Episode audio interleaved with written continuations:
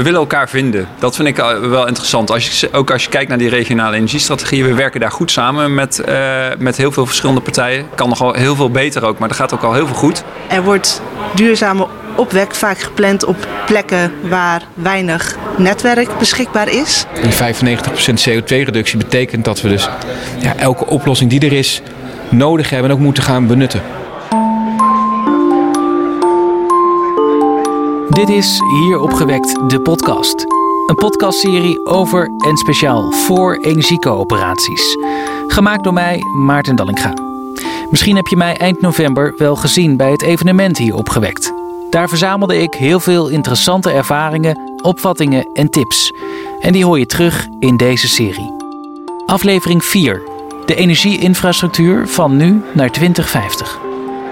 Een hele energietransitie, het heet niet voor niks transitie, uh, moeten een heleboel partijen andere dingen doen dan dat ze in het verleden deden. Dat geldt voor uh, energiebedrijven, dat geldt voor burgers die nu een andere rol kunnen spelen, maar dat geldt ook voor ons als netbeheerders. En dat zie je ook, want ook bij ons gebeuren natuurlijk dingen waar, die we liever niet zouden zien. Er zijn plaatsen waar we nu niet een partij ja, misschien nog wel kunnen aansluiten, maar dan niet de energie kunnen transporteren. Ja, dat, dat wil je natuurlijk niet als netbeheerder. Maar het is ook logisch dat het gebeurt, omdat we van een wereld waar van een energiecentrale naar een huis toe ging, of naar een fabriek, het ook van dat huis weer teruggaat naar die fabriek, dat je veel meer connecties krijgt. En het is logisch dat dat kraakt. Je hoort Harm Luisman. En ik ben binnen Liander verantwoordelijk voor onze voorbereidingen voor de regionale energiestrategieën. Daarin worden de afspraken uit het klimaatakkoord in de praktijk gebracht in 30 verschillende regio's met elk hun eigen regionale energiestrategie. Hierbij werken overheden samen met bijvoorbeeld energiecoöperaties, het bedrijfsleven en netbeheerders. Op 1 juni 2020 moeten de conceptversies van de energiestrategieën zijn voltooid. Dan moet meer duidelijk zijn over hoe de energieinfrastructuur er in de toekomst uit zal zien. Ik praat er ook over met Marijn Renting, consultant van netbeheerder Enexis. Op dit moment ben ik bezig met het maken van capaciteitskaarten die wij inbrengen bij de regionale energiestrategieën. Waarbij we aangeven hoe ons netwerk eruit ziet, waar we dekking hebben van onze infrastructuur en waar we dus ook duurzame opwek kwijt kunnen. En dat koppelen we ook aan de beschikbare capaciteit nu, maar ook op middellange termijn. Dus tot zeven jaar, waar we binnen ons huidige netwerk kunnen gaan uitbreiden. Ook Ilko de Vink, gebiedsregisseur bij netbeheerder Stedin, adviseert gemeenten en andere partijen over de energietransitie. En tegelijkertijd moeten wij ervoor zorgen dat ook Stedin intern klaar is om dat ook waar te maken en mogelijk uh, de energietransitie mogelijk te maken. Wat is jouw rol daarin, in dat laatste? Uh, nou, wij brengen dus ontwikkelingen van buiten nemen wij mee naar onze collega's intern. Zodat we betere investeringsplannen kunnen maken.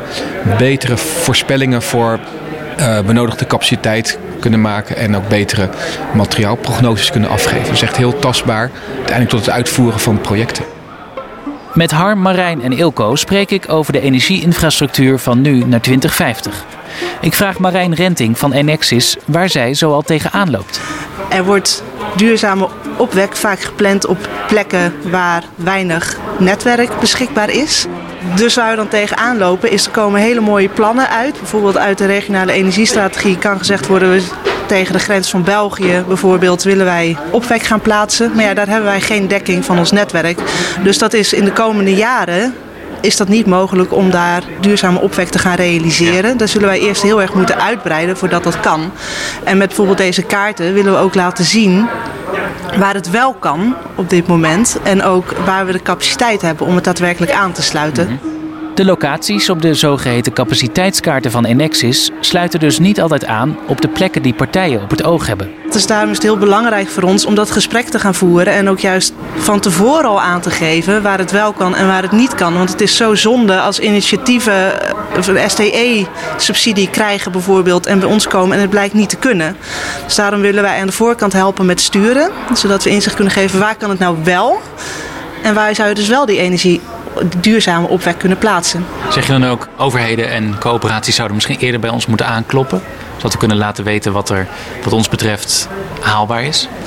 Ja, dat sowieso. Het is altijd goed om aan het begin van een initiatief al contact op te nemen met ons. Nou, in de nieuwe STJ-subsidies is ook opgenomen dat je moet gaan kijken naar de beschikbare netcapaciteit.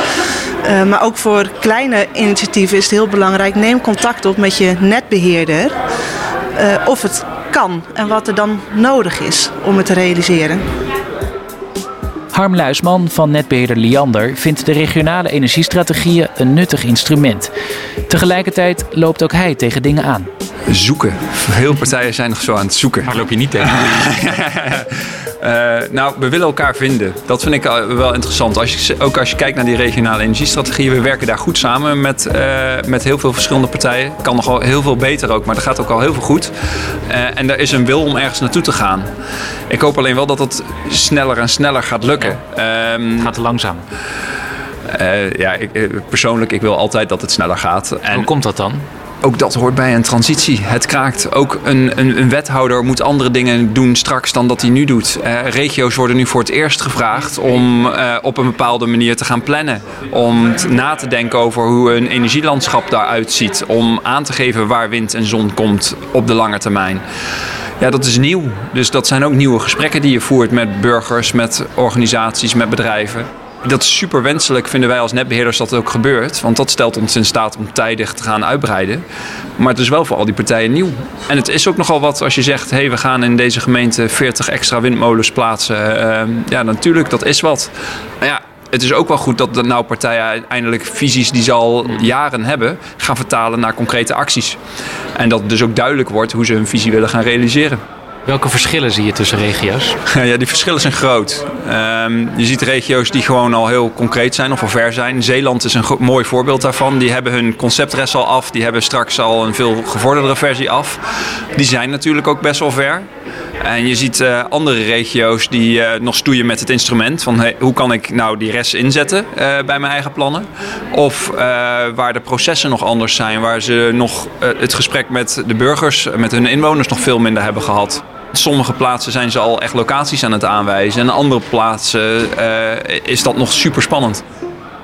Samenwerken is cruciaal om dit voor elkaar te krijgen. Geen enkele partij kan dit in zijn eentje. Dus we hebben elkaar keihard nodig. Je hoort weer Ilko de Vink van Steding. En ik denk dat die samenwerking is, nou, als je hem moet samenvatten in een woord, is die goed, maar wel ook broos. Ja. Want het is niet vanzelfsprekende samenwerking. En je moet hem denk ik ook afpellen op verschillende niveaus. Dus op regionaal niveau heb je regionale energiestrategieën. Op gemeentelijk niveau heb je transitievisies warmte waarin plannen worden gemaakt. En in de wijkaanpak wordt het plan ook daadwerkelijk uitgevoerd.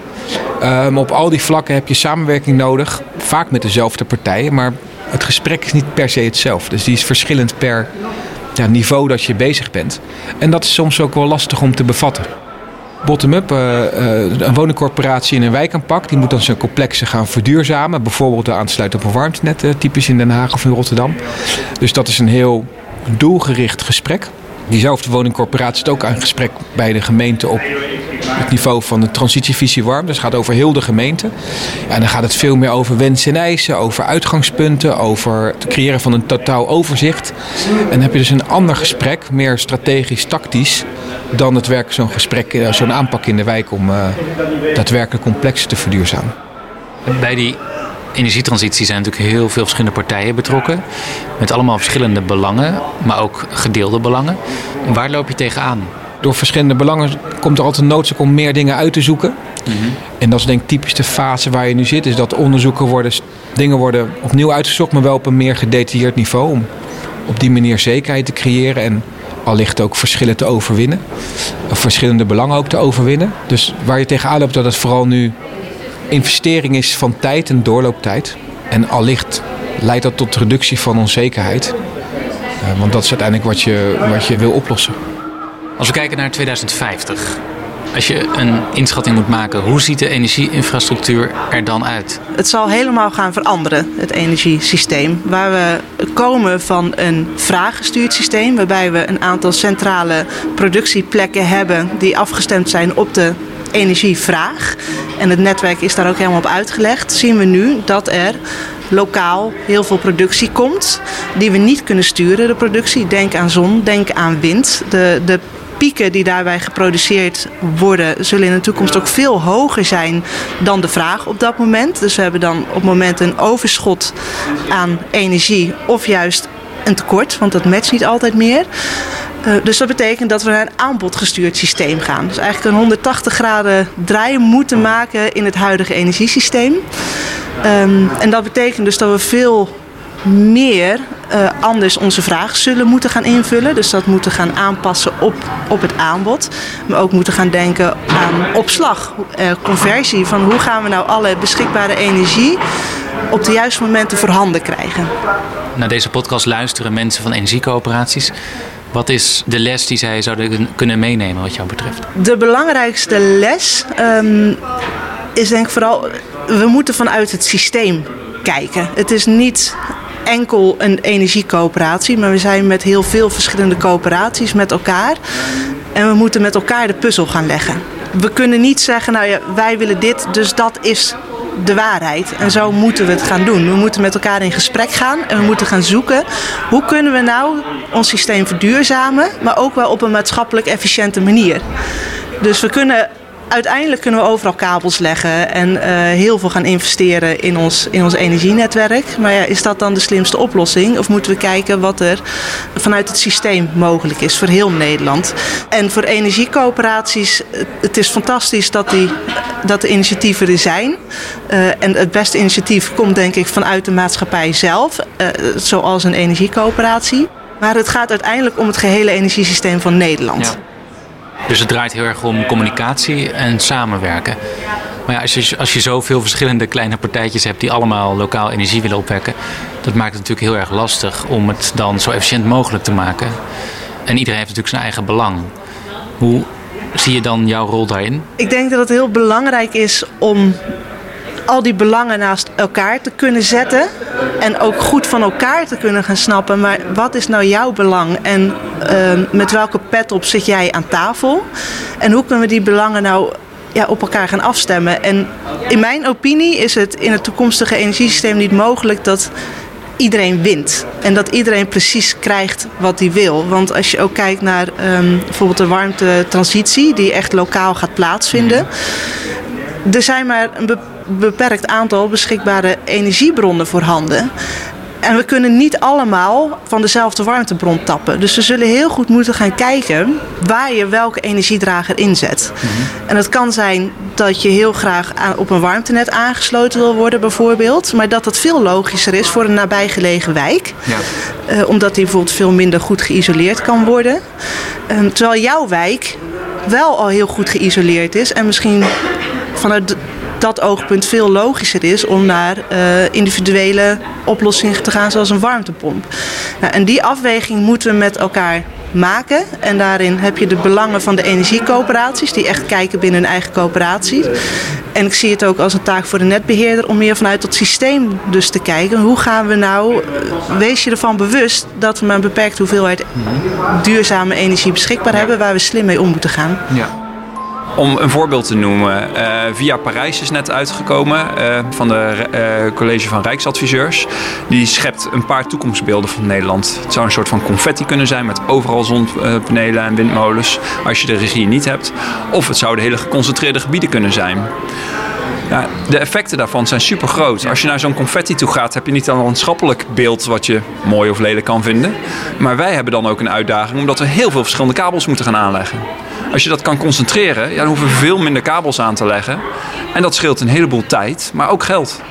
En daar zit ook gewoon uh, arbeidscapaciteit in, maakbaarheid noemen wij dat. Als het een confetti moet worden, heel veel kabels. Het kost niet alleen veel geld, het kost ook heel veel manuren om dat te maken. En dat is een van de grote uitdagingen ook van de energietransitie. Er, zijn gewoon, er moeten veel meer mensen gaan kiezen voor gave technische opleidingen, want we hebben die mensen keihard nodig als netbeheerder zien we het liefst concentraties.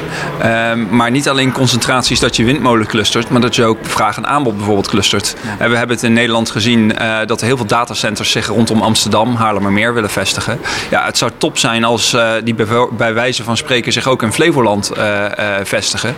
Want daar heb je heel veel opwek, dan kan je dat meteen combineren. Ja. Um, en ik denk dat dat de uitdagingen ook voor de toekomst zijn. Hoe krijg je nou die combinaties waar je vraag en aanbod bij elkaar hebt zitten, uh, zodat je het stroom ook niet eens hoeft te transporteren? Net als Harm Luisman van Liander vindt Ilko de Vink van Stedin dat de energietransitie te langzaam gaat. Er is haast geboden. Die 95% CO2-reductie betekent dat we dus ja, elke oplossing die er is nodig hebben en ook moeten gaan benutten. En ook nog eens op een maatschappelijk verantwoorde manier. Er worden op dit moment veel plannen gemaakt. Ik denk dat het ook belangrijk is. Er wordt ook veel gepioneerd en er moet ook veel uitgezocht worden. Wat mij betreft zou de, de stap naar uitvoeren vind ik het meest interessant. Daar gaat het nog niet snel genoeg. Ik zie nog te weinig bewoners daadwerkelijk ja zeggen tegen ja, duurzame oplossingen. Ik vraag Harm hoe hij de rol van energiecoöperaties ziet in de transitie van de energieinfrastructuur. Ja, energiecoöperaties hebben, hebben natuurlijk een enorme ontwikkeling doorgemaakt de afgelopen jaren. Dat zien we ook in de lokale energiemonitor die uh, weer in 2019 is uitgekomen. Uh, weer heel veel meer corporaties, weer veel meer projecten. Ik denk dat ze ook een hele mooie manier zijn, of een hele mooie link zijn tussen gewoon jij en ik, wij als bewoners van Nederland. En de grotere dingen die je nodig hebt om iets voor elkaar te krijgen. De funnel die je eigenlijk een soort van moet hebben om het maakbaar en een bepaalde schaal te krijgen. En ik denk dat daar ook. De energiecoöperaties hebben zich nu nog heel erg gericht op uh, uh, duurzame opwek. Dus zonne- en windkansen. Ik ben echt heel erg benieuwd welke kansen ze ook straks in de warmtetransitie, het aardgasloos worden van gebouwde omgeving, wat, welke rol ze daarin kunnen pakken. want wij als netbeheerder hebben daar ook enorm veel belang mee dat dat met een bepaalde schaal en met een bepaalde snelheid gaat. Ik zou het heel interessant vinden als energiecorporaties daar hun Um, daar ook een rol in kunnen pakken. Juist voor dat bewonerscontact, juist voor dat mobiliseren, juist uh, om ook uit te leggen wat er nodig is. Marijn Renting van Enexis. De volgende stap is ook dat we naar de transitievisie warmte toe gaan. En ook daarin zal de netbeheerder de gemeente gaan ondersteunen en inzicht gaan geven. We hebben bijvoorbeeld heel veel data wat we kunnen delen. We kunnen onze kennis en kunde inbrengen. Wat we bijvoorbeeld nu ook vanuit Netbeheer Nederland al hebben gedaan, is een informatiepakket Transitievisie Warmte geschreven. Om de gemeente alvast tegemoet te komen. Waar moet je zo al aan denken in die warmtetransitie vanuit het netwerk gezien? En uiteindelijk zullen we ook mensen richting gemeente sturen om daarover mee te gaan denken en mee te gaan praten. En op die manier de input van uit de netbeheerder daarin te brengen. We hebben wel heel veel kennis van het energiesysteem. Um, wij krijgen ook heel veel informatie binnen, heel veel vragen bij ons. Maar het is onze taak om vooral heel erg nauw samen te werken met, met gemeenten bijvoorbeeld, die uiteindelijk het beleid zullen maken. Want uiteindelijk zijn het politieke keuzes die gemaakt worden. En is dat niet aan de netbeheerder om te zeggen, daar komt een warmtenet en daar komt uh, elektrische warmtevoorziening. Het is wel aan ons om te signaleren als wij zien van er zijn ook nog andere initiatieven te signaleren. Zeggen, joh, maken we nu de verstandige keuzes met elkaar en dat gesprek uh, in ieder geval op tafel te leggen. En ook bij een gemeente bijvoorbeeld aan te kaarten, dat die het gesprek kan gaan voeren met de energiecoöperaties. In mijn ogen is dit iets wat we samen te cheffen hebben. In mijn ideale wereld hebben we hier ook echt het gezamenlijke gesprek over met overheden. Maar zit daar ook een wederzijds respect in voor wat kan en wat niet kan. Wat duur is en wat niet duur is. Wat maakbaar is en wat niet maakbaar is. En daar, daar zie je dat je soms elkaar nog wel moet, uh, uh, moet vinden. Uh, een politicus die graag meegaat met de wens van zijn bevolking. Mm. En misschien iets kiest wat gewoon super duur is. Maar die consequenties die merkt hij niet. Omdat die kosten over heel Nederland verspreid ja, worden. Ja, ja. En ik denk dat, dat... Zou dat anders moeten trouwens? Je zou kunnen zeggen, het is misschien een, een, een ongewenste prikkel of een perverse prikkel nu. Nou, ik denk dat je altijd perverse prikkels houdt, hoe je het ook maar oplost. Ja, een paar zijn goed om op te lossen, maar je zal ze altijd houden. Dus je moet elkaar ook vinden. Je moet als overheden ook je als één overheid gedragen. Daar horen wij als netbeheerder in mijn ogen gewoon bij. Um, dus een, een, wethouder zou zich ook verantwoordelijk uh, moeten willen voelen, wat mij betreft, voor uh, ja. die kosten reduceren. Ja. Ook bij ons. Dus kortom, je moet niet op je eigen eilandje blijven. Nee, precies. De energieinfrastructuur ziet er natuurlijk totaal anders uit in 2050. Er moet heel erg veel gebeuren. Naar deze podcast luisteren vooral mensen van energiecoöperaties. Heb jij als netbeheerder, die daar ook heel erg bij betrokken is, een gouden tip? Nou, de gouden tip is denk ik, um, als je kijkt naar bewoners toe, dat we. Um, wij zijn natuurlijk netbeheerder sowieso een technisch georiënteerd bedrijf. Als je kijkt naar de plannen, zijn vaak ook best wel gericht op techniek. Dat kan je uitzoeken. Wat mij betreft zou de gouden tip zijn: is ga als je naar je bewoners gaat, niet zozeer met je technische oplossing, maar ga naar je bewoners toe met de vraag van uh, wat houdt jullie bezig? Want dat moet je namelijk eerst oplossen. Uh, voordat je het kan hebben over de energietransitie en de oplossingen die erbij horen. wat houdt mensen letterlijk bezig in de wijk? Ik ken een voorbeeld uit, uh, is dat bijvoorbeeld ging een gesprek met een wijk. En dan zag je dat de eerste sessies over uh, een al dan niet rechtmatig geplaatst hek ging in de wijk. En denk je, ja, waar gaat het over? Dat is volstrekt wat anders dan waar we het over willen hebben, namelijk de energietransitie. Maar je merkte dat door eerst die vraagstukken op te lossen, dat je daarna pas in gesprek kon gaan over de energietransitie. En mensen zich er ook pas voor open konden stellen. Dat is natuurlijk een heel praktisch voorbeeld. Maar je kan ook denken aan ja, de mensen met energiearmoede. Ja, die zijn bezig met overleven. Die hebben helemaal niet een ruimte in hun hoofd om na te denken over de energietransitie. Dus daar zou je ze eerst bij moeten helpen voordat je zo'n gesprek aan kan gaan en daar stappen in kan ondernemen. Dus dat zou mijn gouden tip zijn, uh, ook voor energiecoöperaties. Zorg dat het draagvlak wat daarvoor nodig is, dat je daar, dat ook gaat creëren. Dit was de vierde aflevering van seizoen 2 van Hier Opgewekt, de podcast. Gemaakt door mij, Maarten Dallinga, in opdracht van Hier Opgewekt. Enthousiast? Leuk als je anderen over deze serie vertelt. En reageren kan ook. Mail naar info.hieropgewekt.nl Wil je geen enkele aflevering missen? Abonneer je dan op deze serie via je favoriete podcast-app. Bedankt voor het luisteren.